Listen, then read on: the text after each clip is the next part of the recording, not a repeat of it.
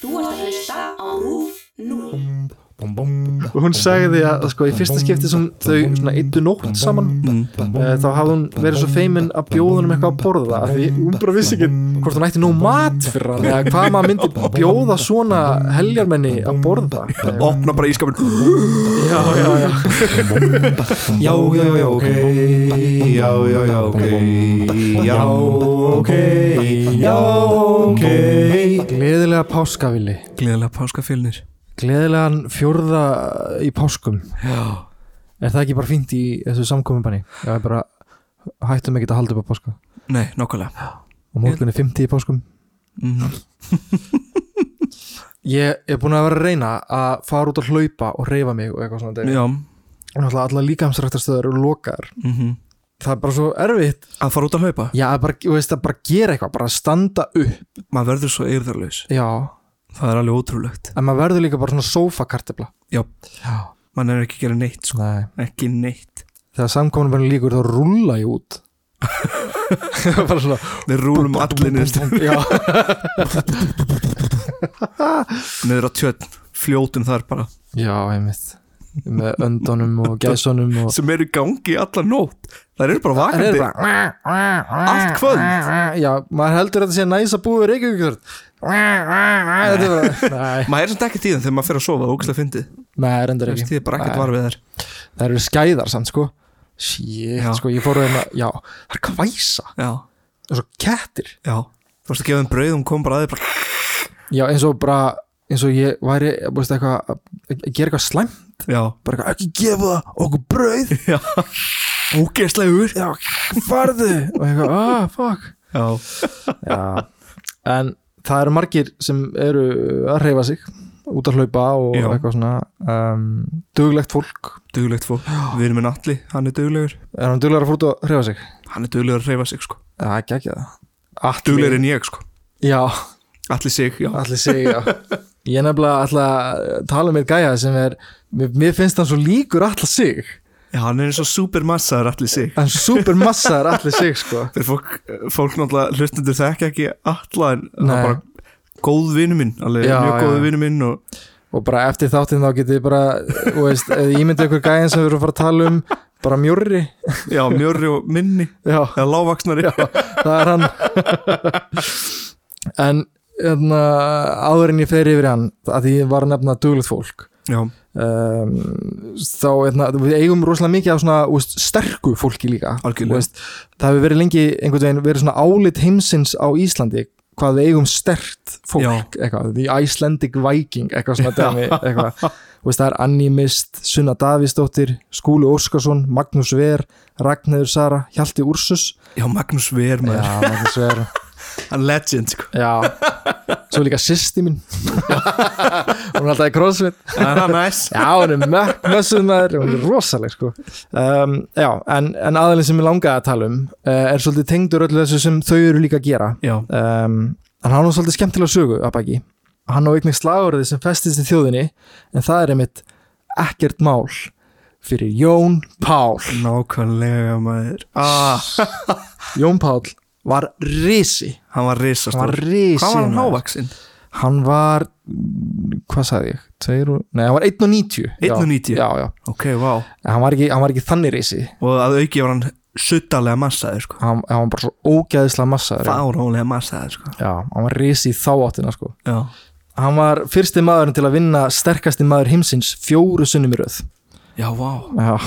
og það er eiginlega honum að þakka e eða kenna um, fyrir eftir hvernig lítur að uh, hvernig aðra þjóður líta á okkur. Mm. uh, varandi allt þetta úst, íslenski vikingurinn og, og það svona vikingablætið rosalega mikið vikingablæti og það er líka í Íslandingum það er í Íslandi já, þráttur við séum bara einhver, hvað skýtuði norðmenn? Við erum bara Komum norðmenn já, við erum bara einhver villumanna þjóð sko. uh, hann var nú ekki skítur hann var frekar mikill snirtipinni já, já, sko, þetta byrjaði þannig sko, hann, hann fættist í Hafnarfyrir mhm. Hann er enn einn haffyrðingurinn frægi haffyrðingurinn Hafnarfyrir var svo mi- mikið frægt fólk einhvern veginn. Uh, satt. Halldórsson. Já, uh, Hafnarfjörður sko ekki fleiri? ég man ekki eftir neinum. Ég man ekki eftir neinum allir Björgvin Halldórsson. Bó, já, Björgvin Halldórsson uh, Bó uh, Björgvin Halldórs. Það eru söguna sem að heyra á honum á ég kann okkar Já, það kunna flesti nokkar já. Ég. ætla nú ekki að fara út í Nei, þá Salma ekki sko, við förum ekki þann gæja. Uh, hann fættist, já, hann, Jón Páll fættist í Hafnafyrði 28. apríl 1960 Já, hann var 4 kíló og 52 centimetrar þegar hann fættist. Mm. Sem var bara mjög eðlilegt. Ég, þú veist, ég, þetta er alltaf tekið fram allstaðar eitthvað hvað hann var þungur og stór þegar hann fættist og það var bara ekkit skrítið við þess að þyngd. Þetta var bara mjög eðlileg þyngd á hann fættist bara sjúklega massa ég fyrst var ég alveg bara eitthvað svona er það ógæslega mikið eða eitthvað? Hann braut fingurinn á læknir hann kom út og bara ekkert mál fyrir Jón Pál. Æ, hann var alveg upp á móðu sinni og fóstuföður sinum. Mm -hmm. Jón og fjölskyldur hans flytja svo til Stikkilsólmar uh, þegar hann var svona tveggja, þryggja ára gamall. Já, þar sem við bjögguð þangar til hann var nýjára uh, en þá fluttuðu aftur til uh, höfuðborgarinnar. Höfuðborgarinn höfuðborgarinnar uh, í Árbæin Árbærin, já, what up? já, Góðu staður, já, geggjaða staðir ég bjóði henni á Árbænum. Ég bjó líka Árbænum. Já, við erum báði búið í Árbænum. Já, Alltaf bjó í skalla alltaf skallanum hér, já. Ég bjó fyrst hana í blokkonum hana í Hrundbæ Já, og, já. Og, hérna, og svo þegar við vorum að gera internship okkur í skólanum mm -hmm. þá flytt ég til þín og mömmuðinnar Já, alveg rétt, og bara bjóst hjá okkur? Já, Og hvað það fyndið, ég var bara var mjög gaman. Það var eitthvað tveinn svona hverfa í minningunni. Já, Já, fyndið Man eftir því núna, já, glemtur Við höfum bara búið svo oft saman. Já, Þetta ég er þriðja skipti sem þetta er þriðja skipti sem við búum saman já. Herri, á fyrstu árunum hans þegar hann var að alast upp þá eittu þau sumrunum sínum í skálegjum uh, á vestfjörðum Já, þar sem hann hjálpaði til við alls konar svona verk á bóndabænum, tína egg og dún frá æðafuglum, sækja vatn í brunnin sem var bæði mjög langt frá bóndabænum og föturnar og með vatninu voru eitthvað í kringum 20 kíló eða meira. klassa svona Rocky fjöguræfing Já, já, þetta var eitthvað þannig sko. Og svo var hann ofta að hjálpa líka fyrstu fyrsunum uh, við hérna, selveðar og verka kjötið og eitthvað svona dót.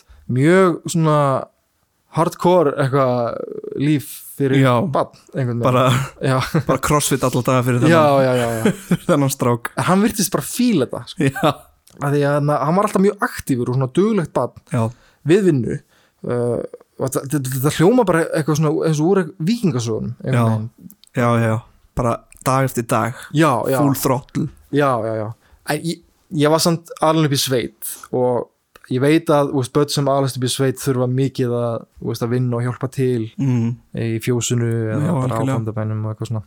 Eh, þannig kannski er þetta bara eðlilegt eitthvað Gæti verið. Já, hann gerði það allan alveg þangað til hann var 16 ára sko. Já, þegar hann var 5 ára uh, þá tók hann upp því að fara að leika sér í glímu.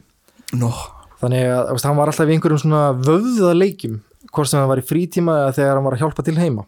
Uh, hann meiri segja fer til afa síns þegar hann er 5 ára og segir við hann afi, þegar ég verð stór þá ætla ég að vera sterkasti maður í öllum heiminum.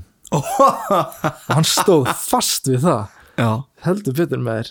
Og hvað fyndið? Já, hann var líka bara, veist, hann var alltaf í einhverju, veist, hann, hann átti eitthvað svona tæki til að íta saman, svona, veist, eitthvað, þetta er voða mikið eitthvað svona sjónvastmarkaðstæki, eitthvað svona, Já, ok, sem ok ítir saman og þetta á að vera eitthvað svona Já, æfingatæki. Hvað var þetta? Eitthvað Pumpa, eitthvað, þetta Já, heitir eitthvað já, svona er þetta til að æfa brjóstvöðuna. Já, þetta svona heitir eitthvað svona The Pump.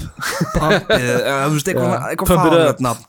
Ég held að vera að tala um eitthvað sem hann hefði gert heima sjálfur bara eins og Magnús eins og í ræktinni hjá Magnúsi Ver Hvað var það? Mæ, Magnús Ver bara alltaf með eitthvað shit sem er bara eins og einhver gæi hafi bara smíðað á, stað, á staðnum skilur Já, já, já. þeir eru alltaf að lifta bara eitthvað dæmi sem er bara gert úr stálpípum og eitthvað já. shit, þetta er bara Já. geðt steikt allt saman Svo bara liftir hann konun sinni í bekknum og eitthvað svona. já, já lifti bara hérna uh, fjögur dekk og eitthvað skilur eitthvað allt eitthvað svona geðveikt mikið svona harðkjarna bara stál og, vöðvar Íta bíl. Já, nákvæmlega. Já, já.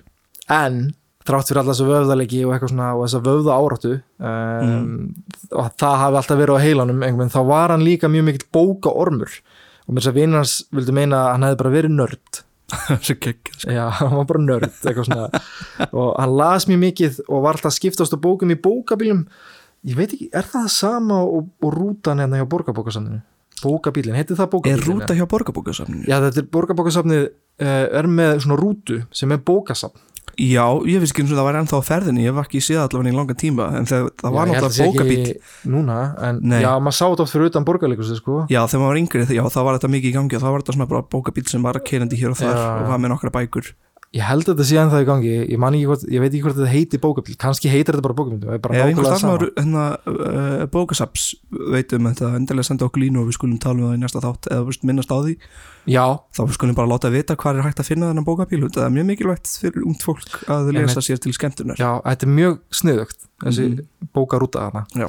um, hans eftirrættisbækur voru, jú, auðvitað Íslendingasögur, Gunnar og Hlíðarenda og Grettir Ásmundarsson dæmi gert sko. Þessar bækur náttúrulega verða líka betri með árunum.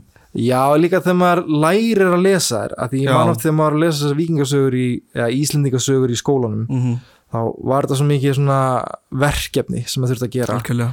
En það var ekki fyrir en ég las Bárðarsögu sem bæði var skáldsaga svona íslendinga skáldsaga. Já, og þá fekk ég áhuga á þessu að því að, að því ég vissi að þetta var skáldsaga þetta var, var ekki eitthvað svona Já.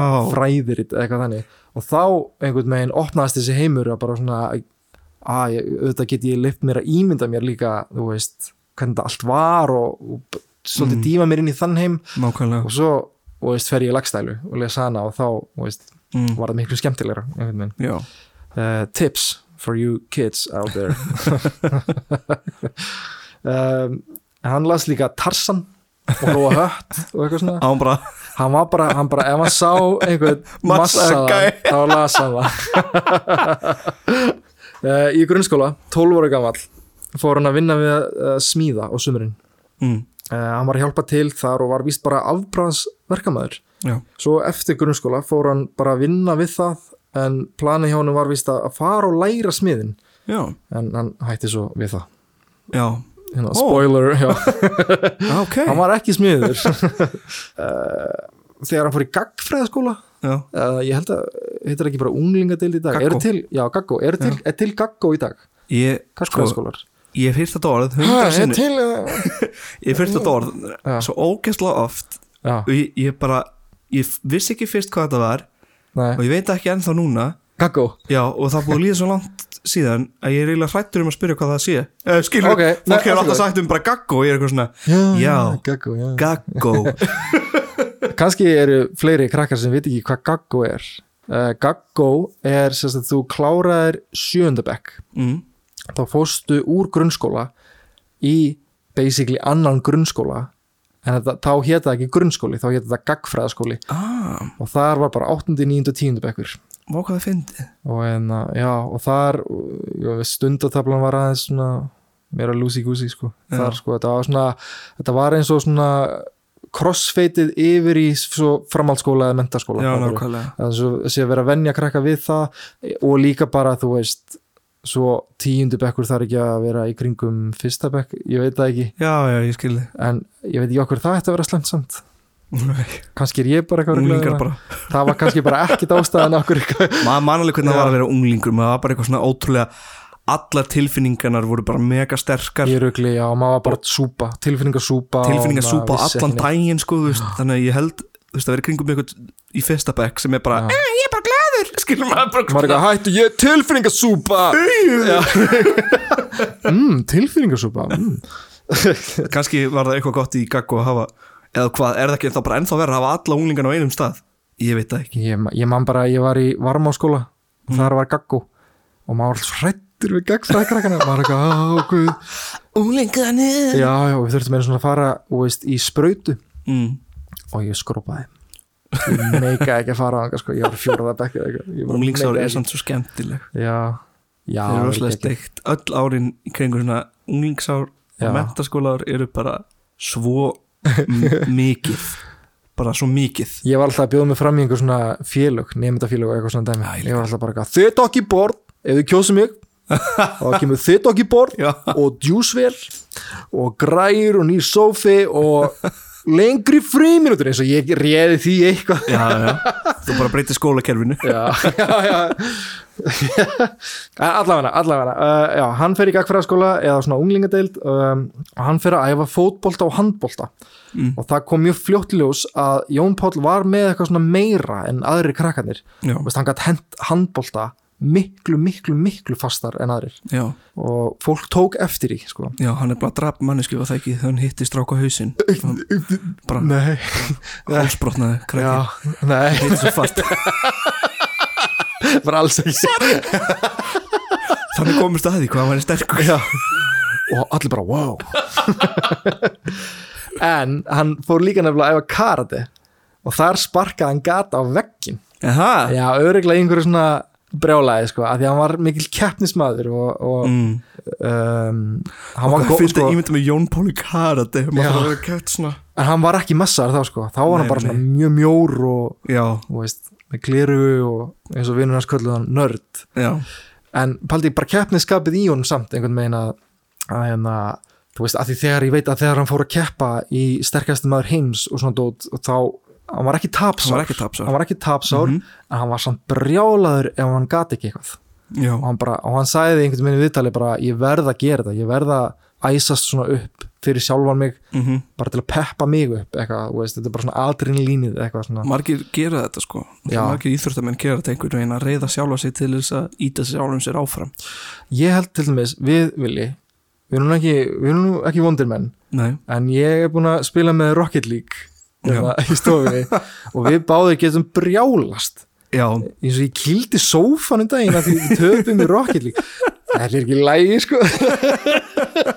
Þetta er bara út af því ef mér finnst ég verið að standa mér ítla skilur og ég veit að ég kann betur já, já, og verður maður svo frustrar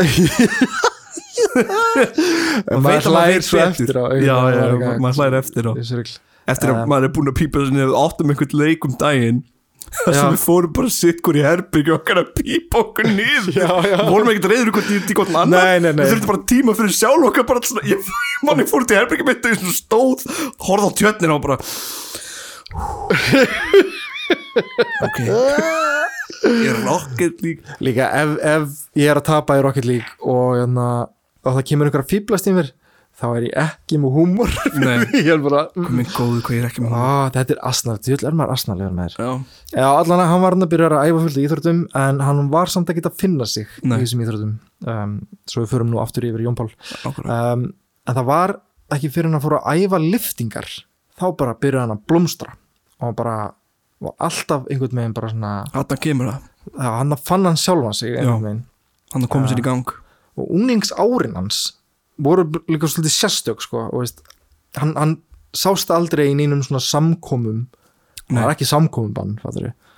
og hann fór aldrei á djammið fór aldrei á djammið með, neinum, veist, með öðrum krökkum og eitthvað svona. Heldur bara, veist, ég veit það ekki hann held sér bara heima og borðaði bara örgulega góða mat og svona quality time með fjölskyldunni eða eitthvað svona bara mega hugulegt, eða þá að hann var neyri laugadal að lifta já, það var rækt sem ég veit ekki hvað heitir. Það var ekki world class þá sko. Uh, en þar voru margir þessir kraftliftingamenn sem komu veist, urðu til á Mm. sama tíma og Jón Páll voru að æfa þar líka. Já, til dæmis Skúli Óskarsson uh, sem var kraftliftingamæður hann sagði þegar Jón mætti í fyrsta skipti í rektina þá bæði vegi var hann bara hára grannur uh, þá horfir Jón á hann og fleiri og svona í kringu sig og segir svo ég ætla að vera mestur og bestur af ykkur hérna eitthvað svona. Svona þið já, svona gamaldags svona íslenskur keppniskapur Já, ég ætla að vera mestur og bestur og ég held að mér sem hefði sagt fallegastur. Mættur til að, svona, mættur til að vinna einhvern veginn. Já, já, já. Eh, Eftir sex ára þjálfun síðan mm uh, þá var Jón eiginlega orðin bara svona atvinnumæður í þungaliftingum. Já, og Rúf á þessum tíma var að senda út kraftliftingamót í, hérna, úr stúdíunni á sér. Og þetta var eitthvað sem Ómar Ragnarsson uh, komast að. Þetta er Ómar Ómar Ragnarsson hann, auðvitað hann. Hann er alltaf hann, við Já. þurfum eiginlega bara alla næsta þætti þurfum bara ganga út frá því að Ómar Ragnarsson sé þar. Já, og, og Haldur Lagsnes og Haldur Lagsnes En já, en sem, þetta var mjög góð hugmynd hjá að því þarna voru allir kraftliftingamenn komnir inn í stofu hjá fólki. Og þaðan kemur þessi fræga setning hjá Jóni þetta er ekkit mál fyrir Jón Pál. Já, að því þetta var inn í stofu og fólki og hann segir þetta í sjónvarpinu þá bara Já. festist þetta í þjóðinni. Þetta festist ennþá nú, nútildags. Já, þetta er ekkert mál fyrir Jón Pál þetta er geggjusækning Pál. Pál Líka ef einhver segir mann ekkert mál það annars myndi bara fyrir Jón Pál. Þetta er ekkert mál. Fyrir Jón Pál. Herra, heimsmeistaramótið 1981 á Indlandi. Mhm. Jón Páll og Skúli mæta. Sorry. Og Jón, hann vakti svo mikla aðtekli út á göttunum uh, og, og að, veist, að aðveri kraftliftingamenn frá Svíþjóð og eitthvað svona voru bara grænir að öfund. Þeir fengu ekki eins mikla aðtekli og Jón fekk Þú veist, alls þar sem Jón mætti það bara stalan sinunni alltaf sko. Og eitt skiptið þá stóðu þeir báðir Jón og Skúli mm. út á götu.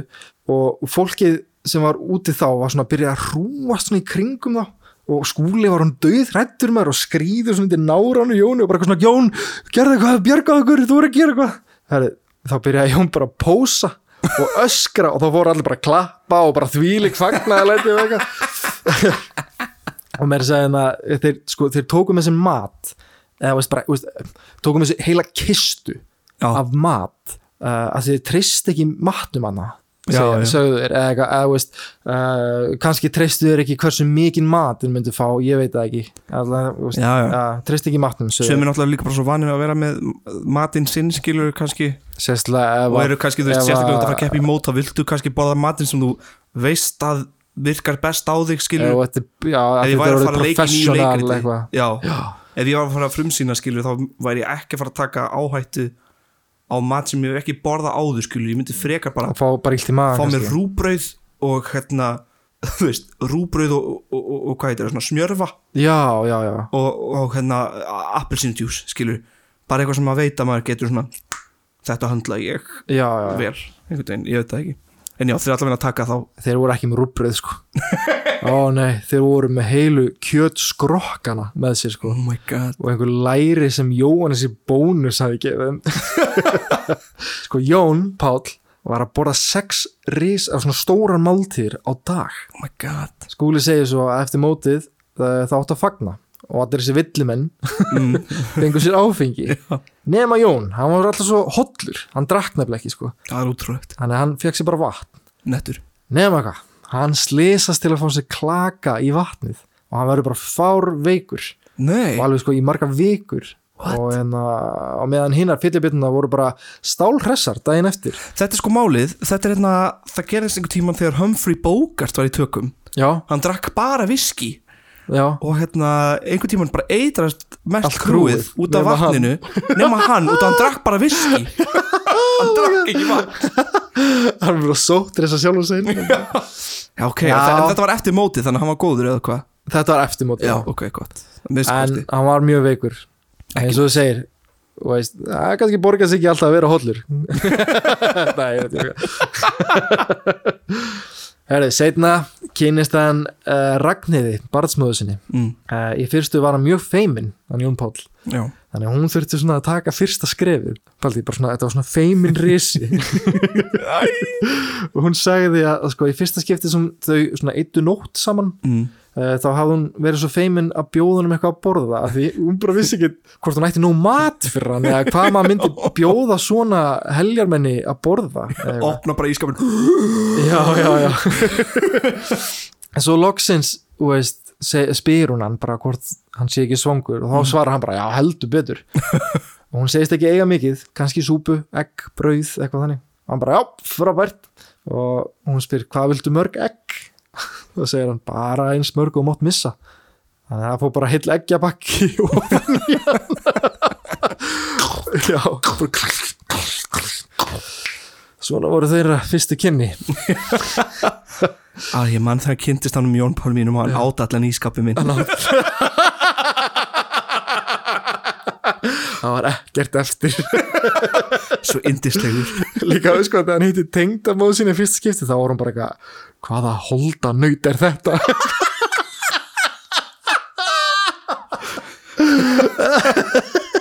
Getur ímyndað að hann að lappa inn um dyrna núna? Maður væri bara eitthvað svona. Já, ég myndi, ég myndi fyrsta lagi vera starströkt og maður verður svo lítill í kringu svona menn maður. Hvað, Fyrst alveg verið Starstruck Öður lagi, Jónbóð, þú ert á lífi, what? Já Zombie on pot uh, Ég þarf að borða tíu manns. Eitthvað brókslega mikið. Jónbóð er sérstaklega hættulegur zombie. Hann þarf meiri næringu en allir hinnir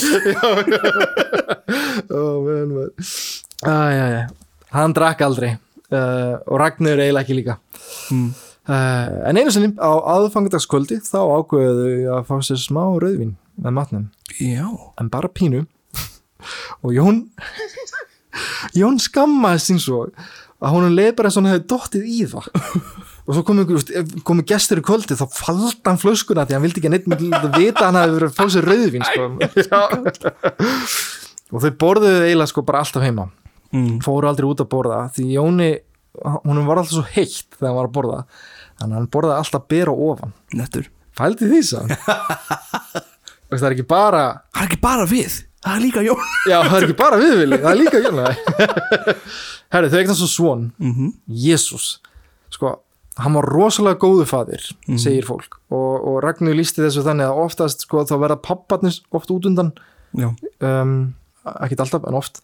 Uh, en þarna var það eiginlega sko öfugt af því að hann var svo mikið alltaf með sinu sinum þegar hann var allan á landinu og Já. hann var mjög mikið í burtu já, og, og það er þetta mymbend af honum með sko svon sinn bara pínu lítinn í ræktinni eitthvað að hjálpa honum að lifta léttustu lóðunum og eitthvað svona er sko, þetta var svona bring your kid to work Já, dæmi, já. eitthvað svona, já, þetta, er, þetta er sko krútlegasta sem ég séð á Já. YouTube já þú síndi mér klippuna. Já, já, já. Þegar barnið hans er að lifta ykkur rísastórum ég er risastór og hann er svona er Hann er því aftan að lifta já. En það er svona ógeðslega að finna þetta Já. Það lúkar svo já, já, og krakkin er bara wow, úkislega gaman. Lifta ykkur rosalegum lóðum. Hann er bara, þú veist, tveggjára mestalegi, en nei, Já. ekki einu svona Hann er bara, hann er bara little baby. Já, ah, Jón tók þátt í alls konar mótum og hann var einhvern veginn bara alltaf til í allt. Já, það voru kraftliftingamót, fitness og alltaf auglýsingum, Henson og Svali. Já, og fólk segir alltaf sama um hann allstaðar það sem hann mætti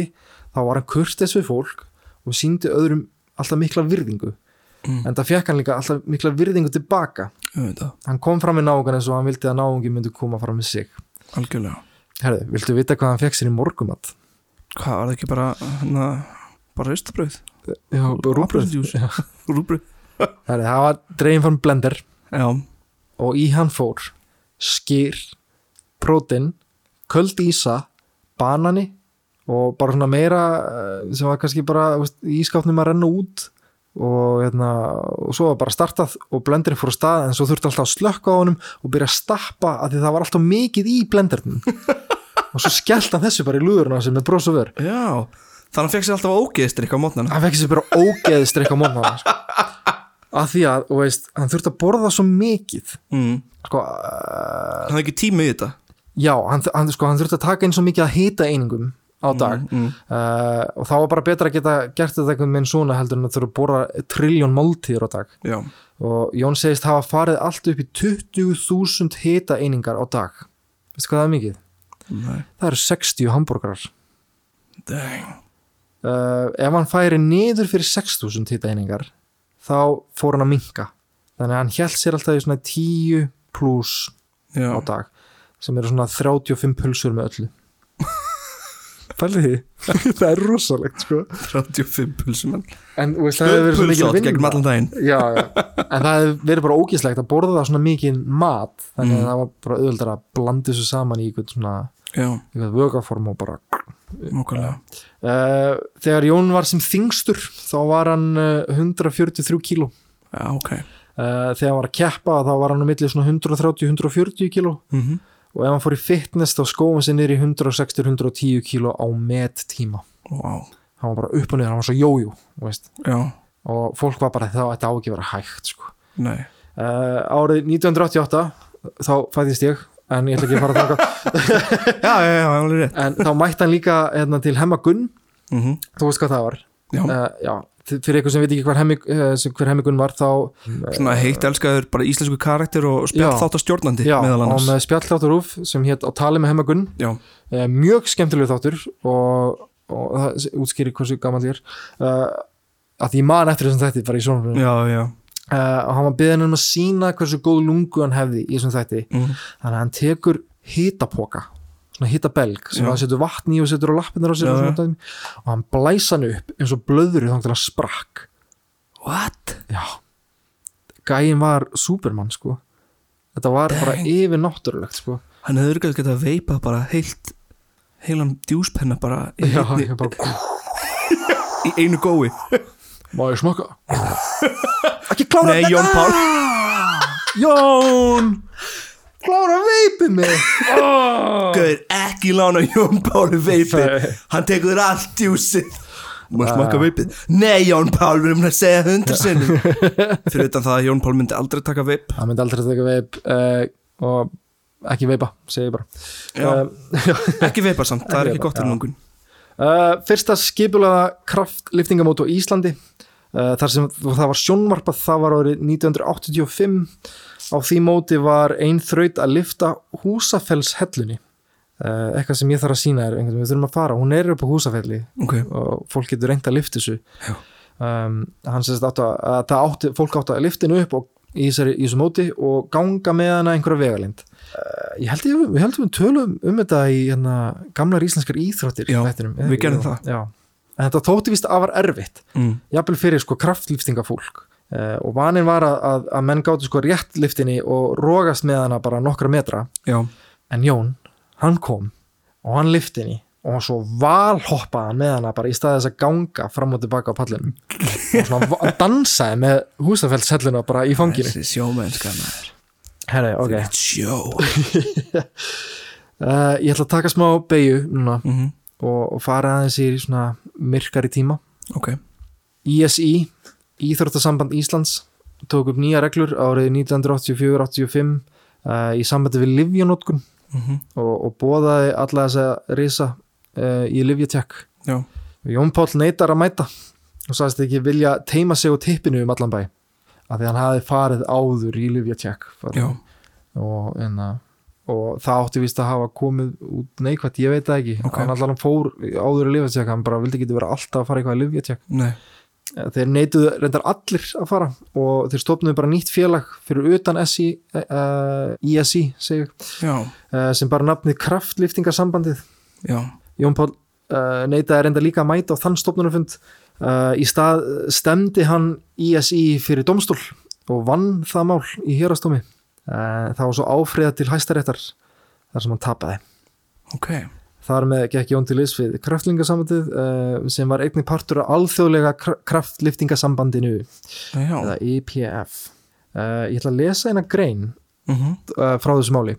Já, hann segir Það kemur okkur í kraftlingasambandinu ekkert við hvað þeir hjá ISI telja löglegt og ólöglegt.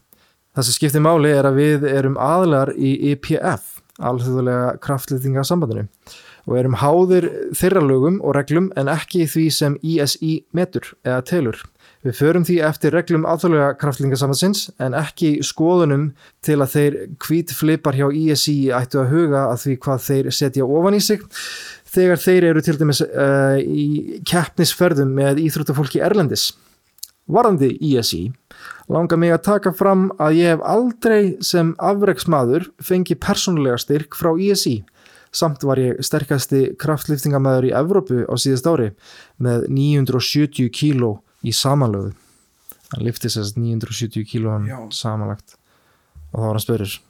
Og þú hefur aldrei notað hormonalif? Ertu brjálaða maður? Hver heldur þú að taki áhóttuna á að verða getulaust til kvenna eða ófrjór? Ég hef sannanir fyrir því að ég er ekki ófrjór og konan getur svarað því hvort ég sé getulaus. ok. Ok, Þar höfum við þá svarið frá honum. Já. mm En að því að veist, þetta kraftlýftingasambands uh, var undir alþjóðlega kraftlýftingasambandsins, uh, þá gætt Jón haldið áfram að keppa. Já, uh, og, var bara að vinna hérna heimsmeistrar mót hægri vinstri. Mhm. eins og ég sagði hann, hann var enna, sterkasti maður heimsins fjóru sinni röð. Já. og undan því hafði hafði hann líka unni keppni hann bara svo fyrsti maður til að gera þetta fjóru sinni röð líka sko. eftir að Jón vann titilinn sterkasti maður heims í þriðja skiptið uh, var hann spurður hvort hann hefði spáði að keppa í ólimpíuleikunum hann sagði þá að það yrði öruglega einhver bardaga íþrótt sem hann myndi keppa í judo eða box. Þá var hann spurður hvort hann ætti eitthvað í þannig kappa. Þá svarar hann að hann myndi berja Mike Tyson í drastl hann myndi geta hanskan hans. Hann var í svangur í Tyson. Uh, kappin fekk nú ekki að hitta Tyson á sinni lífsleið en hann fekk reyndar að hitta Arnold Schwarzenegger. Um, Jón Pál. Já. Jón Pál, I'm a big fan. Paul, I, yeah, I'm a big fan. Wow, you are uh, Icelandic Viking. Þetta glata maður Æ, samt, þetta var alltaf Þetta var, þetta var Schwarzenegger og Walken saman. Já, já. Arnold Schwarzenegger og Christopher Walken saman. Uh, Jón Paul yeah, You are uh, Icelandic Viking. Icelandic Viking. Icelandic Viking. Æ, æ. Ef það hefði ekki farið fyrir Jóni eins og það fór uh, þá hefði hann sennilega orðið sjónvarstjarta því hann, hann stál alltaf seninu allstar sem hann fór. Hann kom reyndar fyrir einni breskri mynd í stuttan tíma. Svo mynd heitir Bullseye. Sko hvað mynd það er? Bullseye Bondmyndin? Með Michael Caine, nei, nei, nei. Uh, með Michael. Caine og Roger Moore. Já, já, já, já, og hérna árið líka, ok, þetta er svo fyndið. Oh my god, árið 1986 þá var sett upp leikritið Rauðhóla Ransi hér er Reykjavík Mhm. uh, í Gamla bíó og vegum hitt leikusið og leikaritin í sýninguna voru látnir æfa glímubröð fyrir sýninguna. Og voru fengnir tveir breytar uh, feðgar til að þjálfa þau. Mhm. þessi feðgar höfðu áður verið að þjálfa áhættuleikara og hanna einhvern veginn svona áhættu senu fyrir James Bond myndir. Uh, Jón Pall og hans vinnir sáu tækifæri þarna og fengu að hoppa með og, og þeir bjöggu til hugmynd fyrir nýri Hollywoodmynd sem átt að heita Ring of Steel eða Ring of Steel. Og hérna, þar sem Jón Pall átt að vera aðaleikarinn sem einhver svona Street Fighter bardagamæður uh, og það var gert plaggat og allt sko. Og, hérna, og þetta gekk það langt að sko að það var gerðu samningur uh, við þessa bretta hana. Já, næs. Og, hérna, og svo þeir eru alltaf að funda með breytunum þá var flóið til Heathrow London en þegar þeir lendu þá komist þeir að því að feðgarnir uh, hefðu verið að stunda fjármálasögg og hefðu verið stungið inn í fangelsi. Þannig að þessi Hollywood draumur var settur aðeins og byggð Anskotan árið 1991 uh, þá ákvað Jón að opna líkamsræktarstöð í Bakhúsi og Suðurlandsbreyt 6 Kjartan Guðbrandsson, vinnur hans, kom til að hjálpa því að hann þurfti að rífa niður fullt af veggjum mm Uh, því, húsnæði var, sem, uh, því húsnæði sem Jón kefti var bara, veist, uh, bara svona skrifstofuherbyggi Já, og að þurfti að rýma allt húsið til að búa til gym. Já. Eða gym. Ja, gæm. What's a gæm? ah, gæm. Simpsons refi hann mætti og, og þá var Jón þegar kominn með tvö kúpin og þeir skokkuðu hann upp og það var byrjað. Nema hvað Jón þurfti ekkit að nota þetta kúpin heldur bara að hljópa niður veggina með líkamann. Vá, ég ætlaði að grínast með það Þeir hafa bara kýlt veggina niður já, bara nei, nei, hann gerði það bara, já, já, og notaði bara handafli og bara reif bara alla veggina með tíma niður sko. Já, þetta, þessi hugmynd að opna líkamsrættastöð tók mjög mikið á svona fjárrakslega hjá já, og hann virtist oft mjög ágjöfullur yfir þessu. Ég viðtali við íþróttafréttamannin Jón Óskar Solnes sagði Jón Páll að veist, hann borðaði voðalítið hann æfði ekki neitt og hann svæfi ekki neitt. Bara vinna, vinna, vinna. Uh, og annað fólk var einnig byrjað að hafa ágjör á honum og sumi lístu við þannig að glampin í augum hans var hverfa. Ok, það var víst ekki bara fjárrakskvíði nefnilega sem uh, Jón hafði. Um, heldur var hann nefnilega komin með of hátt kólestról og blóðþyrstunningunum var að hækka líka. Uh, 16. januar 1993 Jón uh, var ásamt vinnu sínum í rektinni mm. uh, þeir voru á leiðin að fara að taka rétt stuðliftu þegar allt í einu dettur sjónvarp út. Um, vinur Jóns sagðist alltaf stökka upp og aðtöða hvort hann geti ekki lagað en á, meðan var Jón niðri og hann ætlaði bara að hitta upp þegar vinur hans kemur tilbaka þá liggur Jón í gólfinu. Hann var með bakbelti utan um mittið. Reyndu þó vinnur hans að taka beltið af honum en náðu því ekki. Þurfti að kalla á annan mann til að hjálpa því Jón var bara svo stór og stífur það þurfti tvo menn til. Já, við það byrjar Jón að fá krampa. Ótrúlegt en svo þá var móður hans stödd í líkamstræktinni og náði hún að vera hjá honum. Já, hún lísti þessu þannig að þau náðu að horfast í augu á hvert öðru og það var eins og að Jón vissi að þetta væri hans síðasta. Setna hvar púlsinn og reyndu vinnir hans að lífgan við án þess að takast og lést hann þarna í líkamsræktinu sinni að gera það sem hann elskaði mest. Hjartað hans bara stoppaði.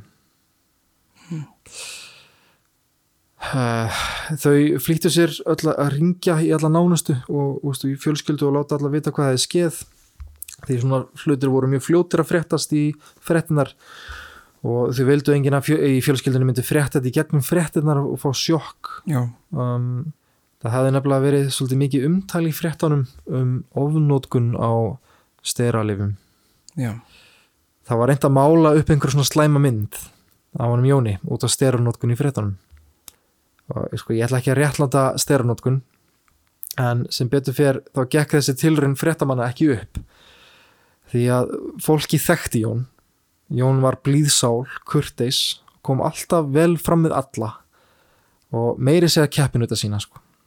það hafði bara engin neitt illt uh, að segja um hann Jón. Nei, og hann var eiginlega ótrúlegt. Hann var alltaf einhvern veginn bara svona kátur, hress jafnvel þótt hann var að keppa. Ef hann tapaði þá tók hann í hendin og anstæðningum og lyft upp og sagði, Já. og veist, eitthvað svona kongurinn lifir enn eða eitthvað svona dæmi. Já, hann var jarðsungin í Hallgrímskirkju. Mm, Hallgrímskirkja er mjög stór kirkja en hún var ekki nógu stór fyrir allt fólki sem kom. Nei, það lýsir því líka bara hvað veist, hversu mikið svona þjóðargersemi þessi maður var. Hann, hann, hérna, hann, hann setti hann var einn af þeim sem setti Ísland svolítið á kortið. Já sérstaklega þessum tíma. Já, það er um, það er alltaf erfitt að kveðja um, fallega sálir já sko því ég var að skrifa hann þátt með þér ég, ég var bara að byrja að tárast sko. mér finnst þetta svo sorglegt. Já. Og hann það einhvern er veginn vissi sjálfur hann sagði það einhvern tímann við vinsinn bara ég munur alltaf að deyja ungur. Mm, pældi því. Hjartað, það er vöfði. Og vöðar sterka við steranokun ásand með öðru, öðrum svona aukaverkunum. Og hann Jón var með stórt hjarta bæði í orðsins fylgstu merkingu og líka út af ást og kærleik. Já, eins og erlendi vinnur hans kölluð hann Jón Páll The Gentle Giant. Já, Já. Ú, Þetta var smá dramatíst já. Um, alltaf sé ekki gott bara að, Enda hérna. að við gefum Jón Pál þeirri fyrðingu að Já, enda þáttinn bara svo já, ég held það. Og bara, En endilega kíkið, hérna, það eru til heimildamindir um hann. Ég er náttúrulega bara dífa tánni í uh, lífans Mm. einhvern veginn. Ég talaði ekkert mikið um þessi öll mót sem hann kefti í og eitthvað svona, mér langaði meira að fara í svona persónulega lífans sko. já, En já, það, hérna, það er ein heimildamind bara á YouTube sem heitir Larger Than Life. Fólk vil fræðast meira um hann. Ég já mæli með því. Bara, takk fyrir allt. Takk, takk. Jón Pál. Takk. Já, já, já, ok. Já, já, já, ok. Já, ok. Já, ok